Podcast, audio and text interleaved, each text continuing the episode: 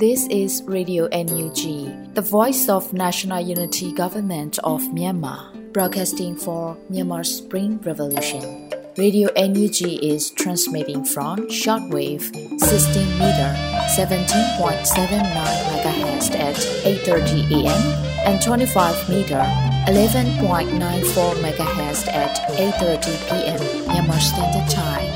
မင်္ဂလာပါရှင်။ မြို့သားညီညွတ်ရေးအစိုးရရဲ့အတန်လွင့်ဌာန Radio NUG ကိုမနက်ပိုင်း၈နာရီခွဲမှာလိုင်းတူ16မီတာ19.89 MHz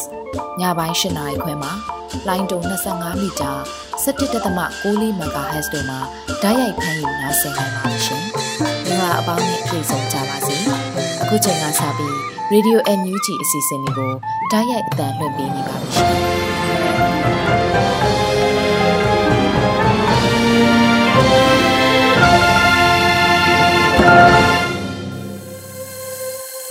မြန်မာနိုင်ငံသူနိုင်ငံသားပေါင်းတဘာဝဘေးဆရာနာရှင်ပြီးတော့မှကင်ဝေးပြီးကိုယ်စိတ်နှပြချမ်းသာချမ်းသာဘေးကင်းလုံခြုံကြပါစေလို့ဗီဒီယိုအန်ယူဂျီဖွဲ့သားတွေကဆုတောင်းမြတ်တာပို့သလိုက်ပါတယ်ခင်ဗျာ။မင်္ဂလာညနေခင်းပါခင်ဗျာ။ဒီကနေ့2024ခုနှစ်မတ်လ1ရက်နေ့ညဗီဒီယိုအန်ယူဂျီညနေခင်းအစီအစဉ်များကိုစတင်ထုတ်လွှင့်ပေးပါတော့မယ်။ပထမဦးစွာဗီဒီယိုအန်ယူဂျီစီရေးတဲ့ကောက်လုံးချက်ကိုရန်နိုင်ကဖတ်ကြားတင်ပြပေးမှာဖြစ်ပါတယ်။ ရေဒီယိုအန်ယူဂျီသောတာရှင်များမင်္ဂလာပါခင်ဗျာခုချိန်အစပြီး2024ခုနှစ်မလ1ရက်နေ့ညပိုင်းမှာတင်ပြပေးမယ်ရေဒီယိုအန်ယူဂျီစီရေးသတင်းများကိုကျွန်တော်ရန်နိုင်ကဖတ်ကြားတင်ပြပေးသွားမှာဖြစ်ပါတယ်ပထမဆုံးတင်ဆက်ပေးခြင်းတဲ့စီရေးသတင်းကတော့မောင်နှောမြို့နယ်မြောက်ပိုင်းကျိန်ချောင်းရန်ပြင်ကားလက်ထက်မှာစီရေးလှုပ်ရှားနေတဲ့အင်အား80ပါရန်သူစစ်ကြောင်းတစ်ခုနဲ့ရခိုင်တပ်တော်တို့ထိတွေ့ပစ်ခတ်ရာစကားစပတ်မှာ9ဦးသေဆုံးခဲ့တဲ့ဆိုတဲ့သတင်းပဲဖြစ်ပါတယ်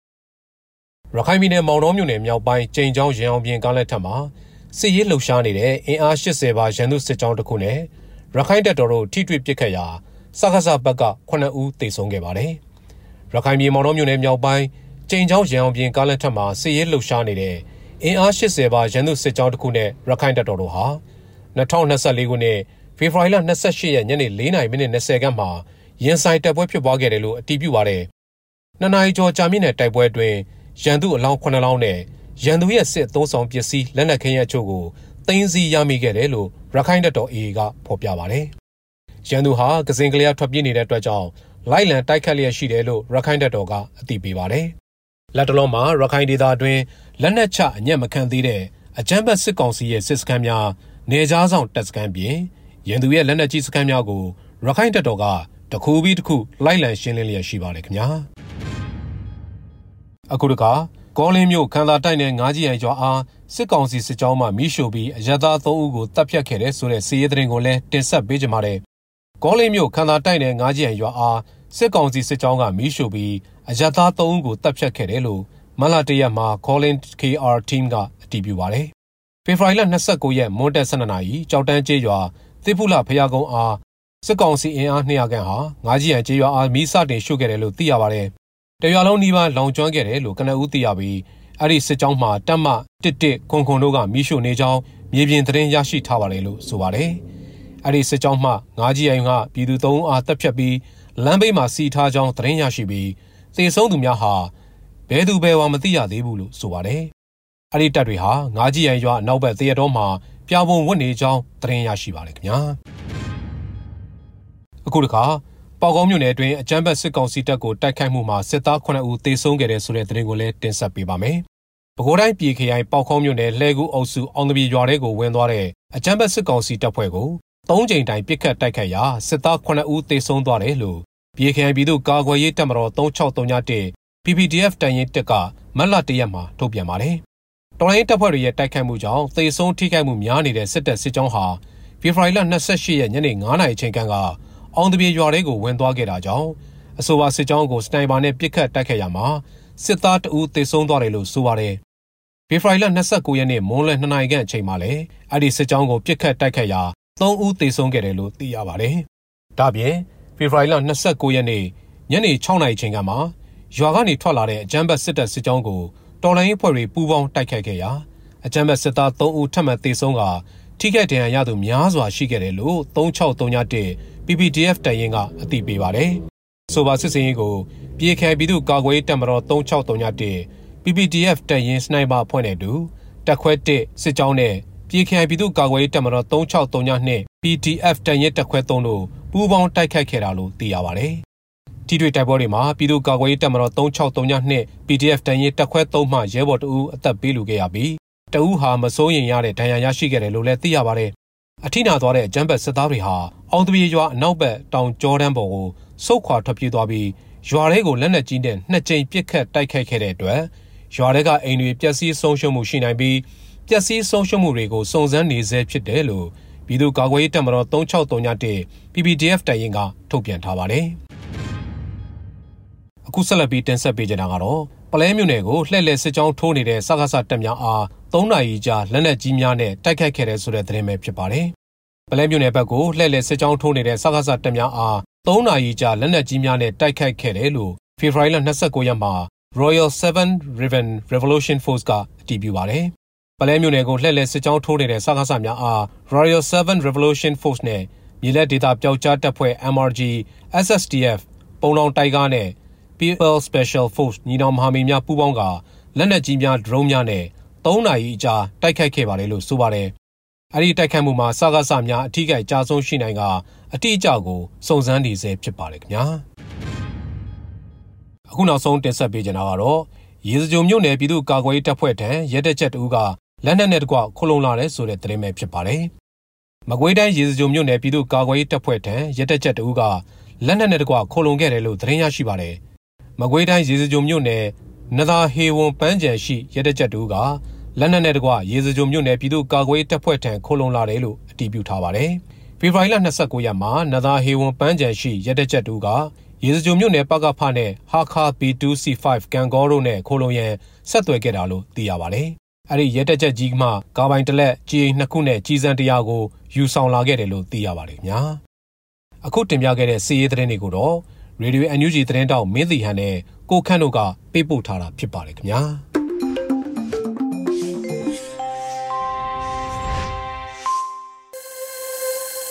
စီရေးသတင်းကောက်နှုတ်ချက်ပြီးမှာတော့ပြည်တွင်းသတင်းများကိုအဲရီကဖတ်ကြားတင်ပြပေးမှာဖြစ်ပါတယ်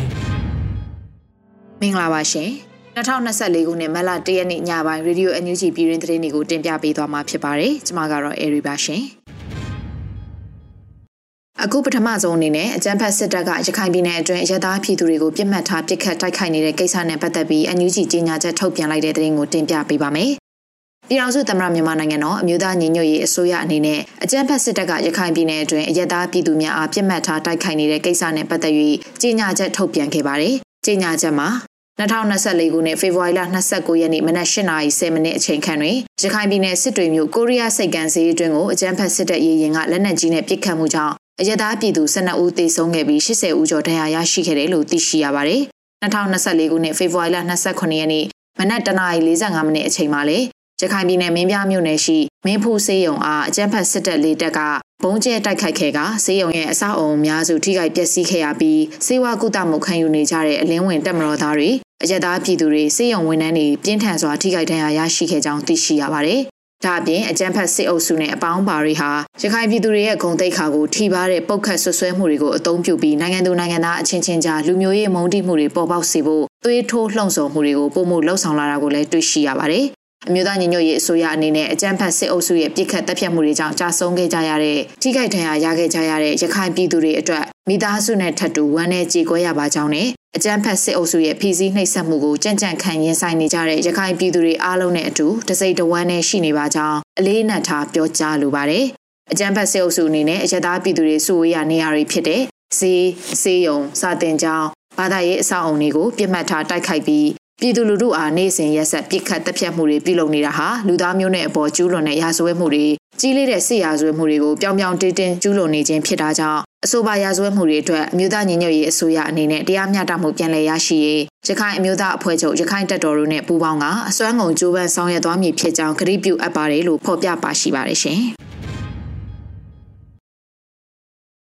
အခုဆက်လက်ပြီးနိုင်ငံခြားရေးဝန်ကြီးဒေါ်စမအောင်ပြင်သစ်နိုင်ငံနိုင်ငံခြားရေးဝန်ကြီးဌာနအာရှနဲ့သမုဒ္ဒရာဒါရိုက်တာမြန်မာကမ်ဘောဒီးယားတာဝန်ခံတို့နဲ့တွေ့ဆုံဆွေးနွေးခဲ့တဲ့သတင်းကိုတင်ပြပေးကြပါမယ်ပြည်ထောင်စုဝန်ကြီးဒေါ်စင်မအောင်ဟာပြင်သစ်နိုင်ငံနိုင်ငံသားရေးဝန်ကြီးဌာနအာရှနဲ့သမုဒ္ဒရာဒါရိုက်တာမစ္စတာဘန်နိုက်ဂွာယီမြန်မာကမ္ဘောဒီးယားတာဝန်ခံမစ္စတာမိုက်ကယ်လီတို့နဲ့တွေ့ဆုံဆွေးနွေးခဲ့တယ်လို့မလတရက်နေ့မှာနိုင်ငံသားရေးဝန်ကြီးဌာနကတရားဝင်ထုတ်ပြန်ဖော်ပြလိုက်ပါတယ်။မြို့သားညီညွတ်ရေးအစိုးရနိုင်ငံသားရေးဝန်ကြီးဌာနပြည်ထောင်စုဝန်ကြီးဒေါ်စင်မအောင် ပြည်내နိုင်ငံဆိုင်ရာကိုယ်စားလှယ်နန်းစုမွန်အောင်တို့နဲ့အဖွဲ့ဟာပြင်သစ်နိုင်ငံနိုင်ငံသားရေးဝန်ကြီးဌာနအာရှနဲ့သမုဒ္ဒရာဒါရိုက်တာမစ္စတာဘန်နွိုက်ဂွိုဒီမြန်မာကမ္ဘောဒီးယားတာဝန်ခံမစ္စတာမိုက်ကယ်လီတို့နဲ့တွေ့ဆုံဆွေးနွေးခဲ့ကြတယ်လို့ဖော်ပြပါရယ်အဆိုပါတွေ့ဆုံမှုမှာပြင်သစ်နိုင်ငံကအကူအညီထောက်ပံ့တဲ့လူသားချင်းစာနာထောက်ထားရေးအကူအညီတွေအမှန်တကယ်လိုအပ်နေတဲ့နေရာတွေကိုရောက်ရှိရေးအပါအဝင်မြန်မာ့ຫນွေဦးတော်လှန်ရေးအတွက်လက်တွေ့ကျတဲ့အကူအညီတွေထောက်ပံ့ကူညီပေးနိုင်ရေးနဲ့မြေပြင်တိုးတက်ပြောင်းလဲမှုအခြေအနေတွေကိုလည်းဆွေးနွေးတိုင်ပင်ခဲ့ကြတယ်လို့သတင်းရရှိပါတယ်ရှင် အခုဆက်လက်ပြီးလေစီသင်းမောကိုရန်ကုန်တိုင်းပကဖကတိုက်ခိုက်ခဲ့တဲ့သတင်းကိုတင်ပြပေးချင်ပါတယ်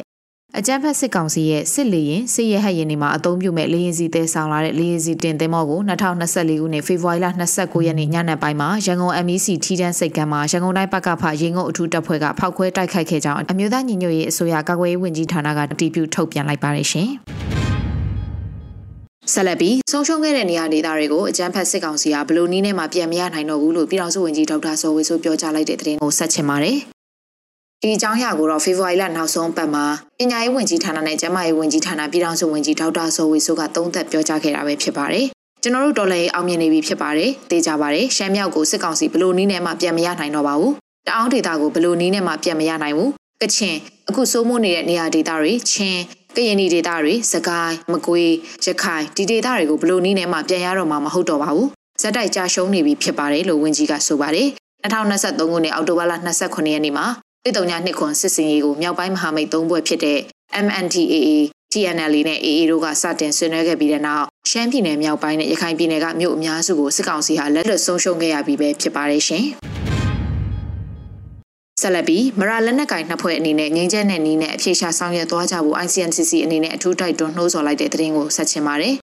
မရနယ်မြေအတွင်းမှာဖြစ်ပွားနေတဲ့ပြိပခါအပေါ်တိုက်တွန်းနှိုးဆော်ချက်တရက်ကိုဖေဖော်ဝါရီလ29ရက်နေ့မှာဂျာကာလာချင်းမြို့သားအတိုင်းအခံကောင်စီကအသိပေးကြေညာလိုက်ပါတယ်။လူဦးတော်လှန်ရေးနဲ့အတူပေါက်ဖွာလာတဲ့ MPC CDF မရာဟာ Joint Military Council JMC Chinland Joint Defense Committee CJDC ဖွဲ့စည်းရမှာညီနောင်ချင်းတော်လှန်ရေးအင်အားစုတွေနဲ့အတူထက်တဲ့ဝင်ဝင်ပါဝင်ခဲ့ပြီး Chin National Front, Chin National Army, CNF, CNA နဲ့ CJDC လူကြီးတချို့ရဲ့တိုက်တွန်းတောင်းဆိုချက်အရ CDF Mara နဲ့ Mara Army တို့ပေါင်းစည်းနိုင်ရေးအတွက် Mara Revolution Coordination Team MRCT ကိုဖွဲ့စည်းခဲ့ကြပြီးပေါင်းစည်းရေးကိုကြိုးပမ်းခဲ့ကြတယ်လို့သိရှိရတယ်လို့ဖော်ပြထားပါတယ် ဒါပေမဲ့အဆိုပါကြိုးပမ်းမှုတွေမအောင်မြင်နိုင်ပဲ Mara Territorial Council MTC, Mara Land Defense Force နဲ့ Interim Mara Land Council IMC CDF Mara ဆိုပြီးနှစ်ဖွဲ့ကွဲပြီးရပ်တည်လာခဲ့ရမှာ Mara လက်နက်ကိုင်ချင်းချင်းကြားပြည်လည်ပေါင်းစည်းရေးကိုပြည်တွင်းပြည်ပမှာရှိတဲ့ Mara ပြည်သူတွေနဲ့ Mara အဖွဲ့အစည်းတွေကနီလန်းပေါင်းစုံနဲ့စ조사ခဲ့ကြပေမဲ့လည်းအောင်မြင်မှုမရရှိခဲ့တဲ့အပြင်နှစ်ဖွဲ့အကြားအင်အားပြိုင်ဆိုင်မှုဟာလည်းတဖြည်းဖြည်းပြင်းထန်လာခဲ့ပြီးမကြသေးခင်မှာပဲစစ်ရေးပြိပခအသွင်ကိုပြောင်းလဲလာခဲ့ကြောင်းဝမ်းနည်းစွာတွေ့ရှိရတယ်လို့ဆိုပါတယ် 2024ခုနှစ်ဇန်နဝါရီလ31ရက်နေ့ကနေစပြီးဒီနေ့အချိန်ထိမရနယ်မြေအတွင်းမှာချင်း National Army CNA နဲ့၎င်းရဲ့လက်အောက်ခံချင်းလက်နက်ကိုင်အဖွဲ့တချို့နဲ့ MDF တို့အကြားတိုက်ပွဲတွေဖြစ်ပွားလျက်ရှိပြီးချင်းလူငယ်တွေအသက်ဆုံးရှုံးနေကြရတဲ့အပြင်အပြစ်မဲ့ပြည်သူတွေရဲ့အိုးအိမ်စည်းစိမ်များစွာထိခိုက်ဆုံးရှုံးမှုတွေဆက်တိုက်ရှိနေတာကိုစိတ်မကောင်းစွာတွေ့ရှိရပြီး ဆရာနာရှင်စနစ်တိုက်ဖြတ်ရေး Federal Democracy ပြည်ထောင်စုပေါ်ပေါက်ရေးချင်းပြည်နယ်ချင်းလူမျိုးတွေလွတ်မြောက်ရေးတို့အတွက်လက်နက်ကင်လမ်းစဉ်ကိုရွေးချယ်ခဲ့ကြတဲ့ချင်းလူငယ်တွေဟာတော်လှန်ရေးပန်းနိုင်နေနဲ့သွေးဖယ်နေတဲ့ချင်းလူမျိုးအချင်းချင်းပြစ်တက်နေကြခြင်းကိုချင်းပြည်သူလူထုကမလိုလားကြဘူးလို့ဆိုပါတယ်။လက်ရှိဖြစ်ပွားနေတဲ့မရနယ်မြေပြိပခါကိုစီရေးနီးနဲ့ဆက်လက်လှုပ်ဆောင်သွားမယ်ဆိုရင်ချင်းပြည်နယ်အတွင်းတခြားသောမြို့နယ်တွေနဲ့ဒေသတွေကိုကူးစက်ပြန့်နှံ့သွားနိုင်ခြေများတဲ့အပြင် ချင်းလူလူစီလုံးညီညွတ်ရေးနဲ့ချင်းမျိုးသားတိဆောက်ရေးတို့ကိုထိခိုက်သွားမှာကိုစိုးရိမ်ရတဲ့အတွက်ချင်းလူမျိုးအချင်းချင်းကြားတိထက်ကြီးမားတဲ့စစ်ရေးပြိပခါတွေမဖြစ်ပေါ်လာစေရေးကိုဥထိတ်ထားလျက်လက်ရှိမရာရေးမှာပါဝင်နေတဲ့မရာမဟုတ်တဲ့လက်နက်ကိုင်အဖွဲ့အစည်းတွေအနေနဲ့စစ်စင်ရေးတွေအများဆုံးရပ်တန့်ဖို့နဲ့မရာလက်နက်ကိုင်နှစ်ဖွဲ့အနေနဲ့လည်းငြိမ်းချမ်းတဲ့နည်းနဲ့အပြေရှားဆောင်ရွက်သွားကြဖို့ ICNCC အနေနဲ့အထူးတိုက်တွန်းနှိုးဆော်အပ်ပါတယ်လို့ဖော်ပြထားပါတယ်ရှင်။အခုတခါကလေးမြို့တော်လှန်ရေးအင်အားစုတွေကနေထိုင်စားတောက်ရေးအားလုံးကိုစီစဉ်ပေးပြီး ဒီနေ့မနက်မှာကျောင်းသူတချို့ကိုနေရက်ပြန်လဲပို့ဆောင်ပေးနေတယ်လို့ကလေးတက္ကသိုလ်ပမောက္ခချုပ်ကအသိပေးပြောကြားလိုက်တဲ့သတင်းကိုဆက်ချင်ပါတယ်။ကလေးမြို့တော်လှန်ရေးအင်အားစုတွေကစားတောက်နေထိုင်ရေးအားလုံးကိုစီစဉ်ပေးပြီးဒီနေ့မနက်မှာကျောင်းသူတချို့ကိုနေရက်ပြန်လဲပို့ဆောင်ပေးနေတယ်လို့ကလေးတက္ကသိုလ်ပမောက္ခချုပ်ဒေါက်တာယောဟန်ထွန်းကမက်လာတရက်နေ့မှာရုပ်သံနဲ့တကွပြောပါတယ်။ကျွန်တော်တို့အားလုံးအခုရောက်ရှိနေတဲ့နေရာမှာဘေးကင်းလုံခြုံစွာနဲ့တော်လှန်ရေးတပ်ဖွဲ့တွေကစားရေးတောက်ရေးနေထိုင်ရေးကိုစီစဉ်ပေးပါတယ် အထူးသဖြင့်ပြောကြားလိုတာကတော့ကျွန်တော်တို့ရဲ့ဝန်ထမ်းတွေကျောင်းသူကျောင်းသားတွေတက်ဆိုင်ရာမိဘတွေဆွေမျိုးသားချင်းတွေစိတ်ပူနေမှာမို့အားလုံးစိတ်မပူဖို့ကျွန်တော်ပြောရခြင်းဖြစ်ပါတယ်ဒီနေ့မနက်ကစပြီးကျောင်းသူတချို့ကိုပြန်လည်ပြီးပို့ဆောင်ပေးနေတယ်ဆိုတာသိရပါတယ်ကျန်တဲ့သူတွေလည်းမကြမီကာလမှာပြန်လည်ရောက်ရှိလာမှာပါလို့ပြောကြားလိုပါတယ်လို့ဆိုထားပါတယ်ဖေဖော်ဝါရီလ26ရက်နေ့မကွေးတက္ကသိုလ်မှာစစ်ကောင်စီတပ်နဲ့တော်လှန်ရေးတပ်တွေပစ်ခတ်မှုဖြစ်ပွားခဲ့ပြီးတဲ့နောက်ကြီးလို့ရာကိုတက္ကသိုလ်ဆရာနဲ့ကျောင်းသားတွေကိုတော်လှန်ရေးတပ်ဖွဲ့တွေကရွှေ့ပြောင်းကဲထုတ်ခဲ့တာလည်းဖြစ်ပါတယ်ရှင်။ အခုနောက်ဆုံးအနေနဲ့စေအုပ်စုနဲ့လက်ပါစီတွေကြောင့်တည်ဆုံခဲ့ရတဲ့ပြည်သူအရေးအတွက်4600ကျော်ရှိခဲ့ပြီးစကိုင်းမန္တလေးမကွေးနဲ့ရန်ကုန်တို့ကအများဆုံးဖြစ်တယ်ဆိုတဲ့အကြောင်းအရာကိုတင်ပြပေးချင်ပါတယ်။အကြမ်းဖက်စေအုပ်စုဆရာနာသိန်းချိန်ကစလို့2024ခုနှစ်ဖေဖော်ဝါရီလ29ရက်နေ့အထိနိုင်ငံရေးအကျဉ်းသားများကူညီဆောင်ရှောက်ရေးအသင်းကကောက်ယူမှတ်တမ်းတင်ထားတဲ့အဖမ်းဆီးနဲ့တည်ဆုံအချက်လက်တွေကိုသတင်းထုတ်ပြန်ဖော်ပြလိုက်ပါတယ်။ ဖော်ပြချက်အရစေအုပ်စုနဲ့သူ့ရဲ့လက်ပါစီတွေကြောင့်တည်ဆုံခဲ့ရတဲ့ပြည်သူအရေးအတွက်4612ဦးရှိခဲ့ပြီးအမျိုးသမီး810ဦးကလေးတငယ်980ဦးတည်ဆုံခဲ့ပြီးဖမ်းဆီးပြီးနောက်တပ်ဖြတ်ခံရသူ1662ဦးရှိခဲ့ပါတယ်။အဆိုပါတပ်ဖြတ်ခံရသူတွေထဲမှာစကိုင်းတိုင်းမကွေးတိုင်းမန္တလေးတိုင်းနဲ့ရန်ကုန်တိုင်းတို့ကအများဆုံးဖြစ်တယ်လို့သိရှိရပါတယ်ရှင်။အခုတင်ပြခဲ့တဲ့သတင်းတွေကို Radio NUG သတင်းတောင်မင်းတီဟန်နဲ့ကိုခန့်တို့ကပေးပို့ထားတာပဲဖြစ်ပါတယ်ရှင်။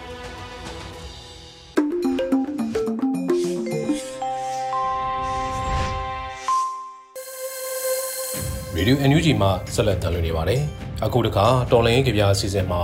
အောင်ချင်းမှန်မစ္ဆာဂီရီရေးဖွဲ့ပြီးလွတ်လပ်နေဦးခန်းစားရွတ်ဖတ်ထားတဲ့ထောက်ပို့ပေးပါတော်လိုင်းကြပြကိုခန်းစားနားဆင်ကြရမှာဖြစ်ပါတယ်။ထောက်ပို့ပေးပါအဖိနှိတ်ခံဘဝနဲ့အသက်ရှင်နေရမယ်အစားဖိနှိတ်သူကိုတံပြန်အန်တုအနိုင်ယူမှုအောင်ပွဲတွေယူမှသူဘဝ တန်ဖိုးရှိမယ်အာနာရှင်လူမိုက်တစုရဲ့ဘူကြချဲလဲမှုအောက်မှာကျွန်တပေါက်လိုကြောက်နေမဲ့အစားကောင်းငုံမခံတော်လှန်တိုက်ခိုက်အသက်ပေးတာမှတို့သမိုင်းလှအောင်မယ်လူလူချင်းတန်ဖိုးမထတဲ့အာနာရှင်အောက်ဒူးထောက်အရှုံးပေးမဲ့စားလူတန်ဖိုးလူကုံတိတ်ခအတွက်ရဲရဲတောက်ရှစ်ထွက်တိုက်ပွဲဝင်ခြင်းဟာ ဂုံတိတ်ခါပိုကြီးမာတယ်မျိုးဆက်တစ်တို့ခေတ်မှာအာနာရှင်အမြင့်ပြတ်မှရမယ်မျိုးဆက်တို့အနာဂတ်မှာအာနာရှင်မျိုးဆက်တုံးမှရမယ်တရေကောင်းတွေအစင်သင့်ရှိတယ်လုံလောက်တဲ့လက်နက်ကိုပဲထောက်ဖို့ပေးကြစမ်းပါအောက်ချင်းမှန်မစ္ဆာဂီရီ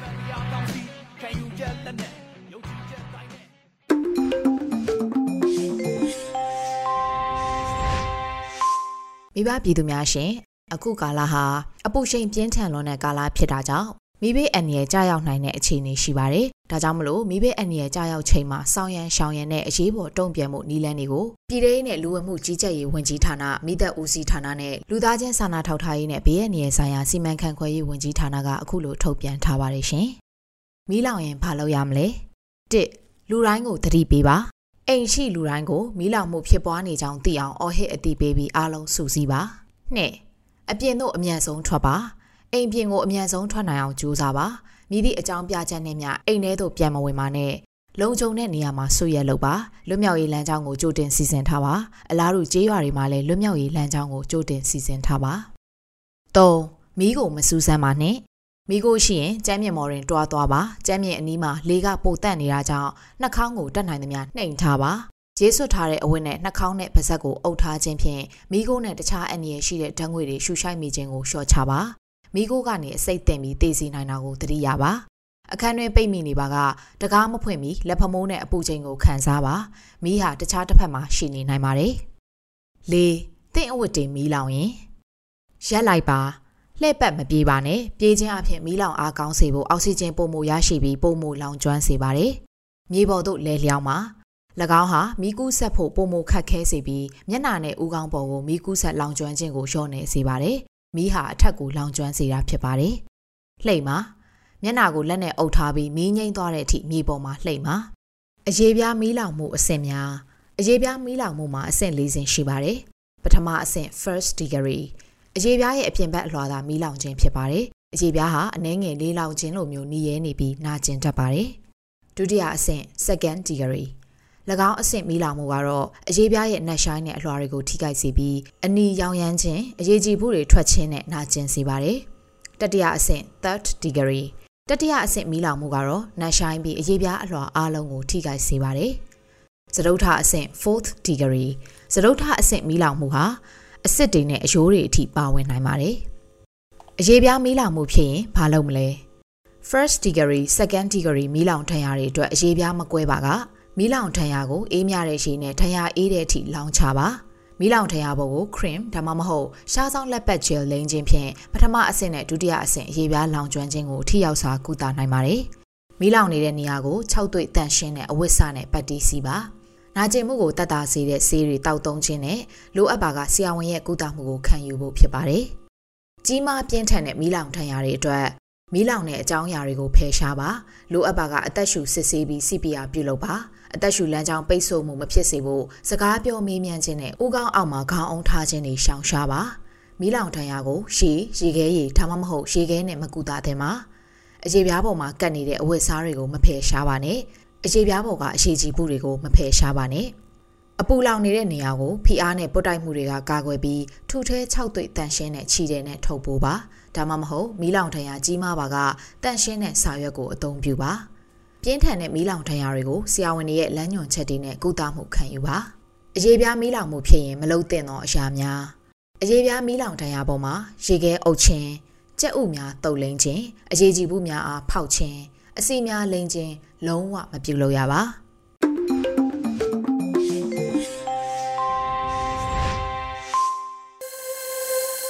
ရေဒီယို NUG ပြည်သက်များခင်ဗျာတော်လိုင်းတီဂီတာအစီအစဉ်ကိုထုတ်လွှင့်တဲ့အခါမှာတော့တရောဖိုးဆန်ရေးသားပြီးတောင်ရင်တကုမဖွဲ့သားများတီးဆိုထားတဲ့လက်နက်တွေချတော်လိုင်းရေးတခြင်းကိုခန်းစားနားဆင်ကြရမှာဖြစ်ပါတယ်ခင်ဗျာ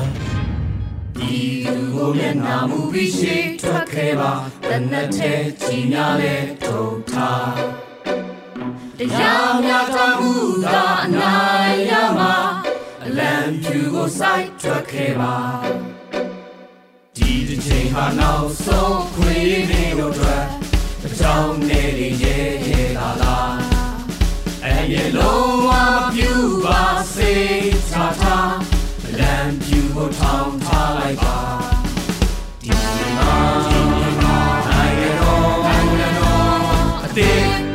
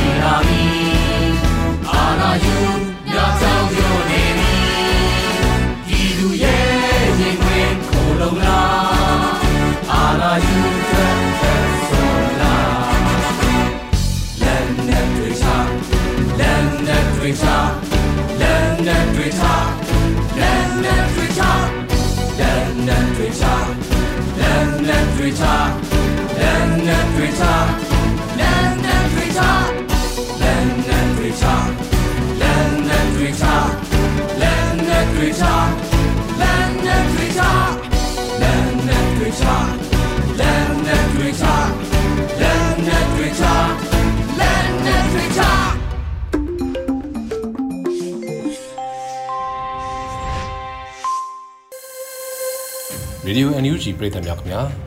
ဒီကနေ့ညရဲ့နောက်ဆုံးစီစဉ်တစ်ခုဖြစ်တဲ့တော်လိုင်းကာလာအတွင်းပြည်သူများလုံခြုံစွာနေထိုင်နိုင်ရေးတော်လိုင်းအသိပညာပေးစီစဉ်ကိုပိုင်ဖြိုးသူကတင်ဆက်ပေးမှာဖြစ်ပါတယ်ခင်ဗျာတော်လန်ရေးကာလအတွင်းပြည်သူတဦးတယောက်စီကစလို့တမိသားစုတရက်ကွက်တမျိုးနယ်အထိလုံခြုံစွာနေထိုင်နိုင်ဖို့အတွက်ကြိုတင်ပြင်ဆင်ကြရမယ့်လိုအပ်ချက်တွေကိုသူသူပြောပြပေးခြင်းပါတယ်။ တော်လန်ရေးကာလအတွင်းသတင်းအချက်အလက်တွေကိုစဉ်ဆက်မပြတ်ဂရုစိုက်စောင့်ကြည့်နားဆွင့်နေရပါမယ်။ကိုစောင့်ကြည့်နားဆွင့်နေတဲ့မီဒီယာတွေကယုံကြည်စိတ်ချရဖို့တော့လိုပါမယ်။ဥပမာပြည်သူအစိုးရ NUG ကထုတ်လွှင့်နေတဲ့မီဒီယာ channel တွေယုံကြည်စိတ်ချရတဲ့သတင်းမီဒီယာတွေတိုင်းရင်းသားဒေသအခြေစိုက်သတင်းမီဒီယာတွေမိမိနေထိုင်ရာဒေသအတွင်းတိုက်ပွဲတွေစတင်လာပြီဆိုရင် လုံခြုံစွာပြောင်းရွှေ့ဖို့အခုကတည်းကကြိုတင်ပြင်ဆင်ထားဖို့လိုအပ်ပါမယ် ဒေသတွင်းဘေးလွတ်ရာပြောင်းရွှေ့ခိုးလုံဖို့လိုအပ်တဲ့တက်ကြီးရွယ်အိုတွေမတန်ဆွမ်းတွေကိုဝင်ဆောင်မိခင်တွေကလေးငယ်တွေရဲ့စည်ရင်းကိုကြိုတင်ပြုစုထားရပါမယ်။ရွှေပြောင်းတဲ့နေရာဒေသတစ်ခုနီးစပ်တဲ့လုံခြုံရာနေရာဒါမှမဟုတ်ပြည်သူအစိုးရ NUG ထိန်းချုပ်နယ်မြေတွေတိုင်းရင်းသားလွတ်မြောက်နယ်မြေတွေမှာရှိတဲ့စစ်ရှောင်စခန်းတွေစသဖြင့်ကြိုတင်သတ်မှတ်ပြင်ဆင်ထားရပါမယ်။ရွှေပြောင်းဖို့အတွက်သယ်ယူပို့ဆောင်မှုလမ်းကြောင်းတွေကိုလည်းအ ਨੇ ဆုံးနှစ်ခုကြိုတင်သတ်မှတ်ပြင်ဆင်ထားရပါမယ်။ လုံခြုံရေးအရလမ်းကြောင်းတွေကိုရှုပ်ဝက်ထားပြီးမိုင်းအန္တရာယ်ကင်းရှင်းမှုကိုအထူးသတိပြုဆောင်ရွက်ရပါမယ်။တဦးတယောက်ချင်းကစလို့အစုအဖွဲ့တွေအထိဆက်သွယ်နိုင်တဲ့ဖုန်းနံပါတ်နဲ့အဓိကတာဝန်ခံတွေစေဝါကုသပေးနိုင်တဲ့ကျန်းမာရေးတာဝန်ခံတွေရဲ့ဖုန်းနံပါတ်တွေကိုစာရင်းပြုစုထားရပါမယ်။မိသားစုတွေပြန်လည်ဆုံတွေ့ဖို့စုရက်တစ်ခုကိုလည်းသတ်မှတ်ပြုလုပ်ထားရပါမယ်။ မိမိအိမ်ကထွက်ခါချိန်မှာကိုနဲ့မပါယူဆောင်သွားဖို့အရေးပေါ်အိတ်ကိုပြင်ဆင်ထားရပါမယ်။အဲ့ဒီအိတ်ထဲမှာဘာတွေပါသင့်တယ်လဲဆိုတော့အရေးကြီးစာရွက်စာတမ်း၊ငွေသား၊တန်ကတ်၊စေဝါ၊ power bank ၊ရေဒီယိုရေနဲ့ ကြာရှည်ခံအာဟာရပြည့်ဝတဲ့ရိတ်ခါကြောက်တွေပါရပါမယ်။မိသားစုတိုင်းအတွက်ရှေးဦးသူနာပြုစေးနဲ့ဆေးပစ္စည်းတစ်တာ၊နိုင်မီးချစ်ဖျောင်းနိုင်၊ရှင်စေးဓာတ်စားလုံးနဲ့အမျိုးသမီးတန်ရှင်းရေးသုံးပစ္စည်းတွေကိုလည်းအစင်သင့်စုဆောင်းထားရှိရပါမယ်။တော်လိုင်းရေးအင်အားစုတွေရဲ့ထိန်းချုပ်ဒေသတွေထိစက်နယ်မြေတွေပြောင်းရွှေ့ရန်ခက်ခဲတဲ့နေရာဒေသတွေမှာနေထိုင်သူပြည်သူတွေအနေနဲ့လေကြောင်းနဲ့လက်နက်ကြီးအန္တရာယ်တွေကနေကာကွယ်နိုင်မှုပုံဖို့စရာနေရာတွေဘုံခိုခြင်းတွေနဲ့ကလုတ်ခြင်းတွေကြိုတင်ပြင်ဆင်ထားရမှာပဲဖြစ်ပါတယ်။ တိုက်ပွဲတွေစတင်လာပြီးဆိုရင်လက်နက်တိုက်တွေရဲစခန်းတွေစစ်တပ်စစ်ဆေးရေးဂိတ်တွေလက်နက်ကင်ဖွဲ့စည်းတွေရဲ့စစ်စခန်းတွေနဲ့ဝေးတဲ့နေရာကိုတင်းရှောင်ဖို့လိုအပ်ပါမယ်။အကယ်လို့ပြစ်ခတ်မှုဖြစ်ပွားတယ်ဆိုရင်ဖြစ်ပွားရာရက်နဲ့ဆန့်ကျင်ဘက်နေရာကိုတင်းရှောင်ရပါမယ်။ကြီးစံလာရာရက်နဲ့လွတ်ရာနေရာမှာနေကြရမယ်။ပြိုပြက်ထိခိုက်နေတဲ့အဆောက်အဦတွေကိုရှောင်ရှားပြီးခိုင်ခန့်လုံခြုံတဲ့အဆောက်အဦဒါမှမဟုတ်လုံခြုံတဲ့ကလုတ်ကျင်းနေတဲ့ပုံခိုရပါမယ်။ အကယ်လို့ကိုကပြင်ပမှာရောက်ရှိနေတယ်ဆိုရင်တစ်ပင်တွေထူထပ်တဲ့ကြီးကွယ်ရာရှိတဲ့နေရာတွေမှာပုံခိုရပါမယ်။မိသားစုဝင်တိုင်းရဲ့သွေးမျိုးစားကိုခန္ဓာကိုယ်ရဲ့မြင်လွယ်သောနေရာမှာ permanent pen နဲ့ဖြစ်စေလက်ပတ်နဲ့ဖြစ်စေရေးသားချိတ်ဆွဲထားရပါမယ်။အခြေခံရှေးဥတူနာတူနည်းလမ်းတွေကိုလေ့လာသိရှိထားဖို့ကြိုးစားသင့်ပါတယ်။လက်နက်ငယ်လက်နက်ကြီးနဲ့ပောက်ကွဲစေတဲ့အရာတွေကိုလေ့ကျင့်သင်ကြားထားခြင်းမရှိဘဲကင်တွယ်တာစူးစမ်းတာတွေမလုပ်ကြနဲ့ ဝေးရာနေရာမှာနေကြဖို့လိုပါတယ်။မိမိခန္ဓာကိုယ်ကိုယောဂပိုးမွှားမဝင်စေဖို့တတ်နိုင်သမျှတန်ရှင်းစွာထားရပါမယ်။မိမိနဲ့မိသားစုနဲ့မိတ်ဆွေတွေအကြားချင်းချင်းနှစ်သိမ့်ပေးတာရင်းနှီးစွာနေထိုင်တာအကောင်းမြင်ဝါဒအကျွေးတွေနဲ့နေထိုင်တာစတဲ့အလေးကျင့်တွေကိုတိုးထောင်ကြရပါမယ်။အရေးတော်ပုံမုတ်ချအောင်ရမည်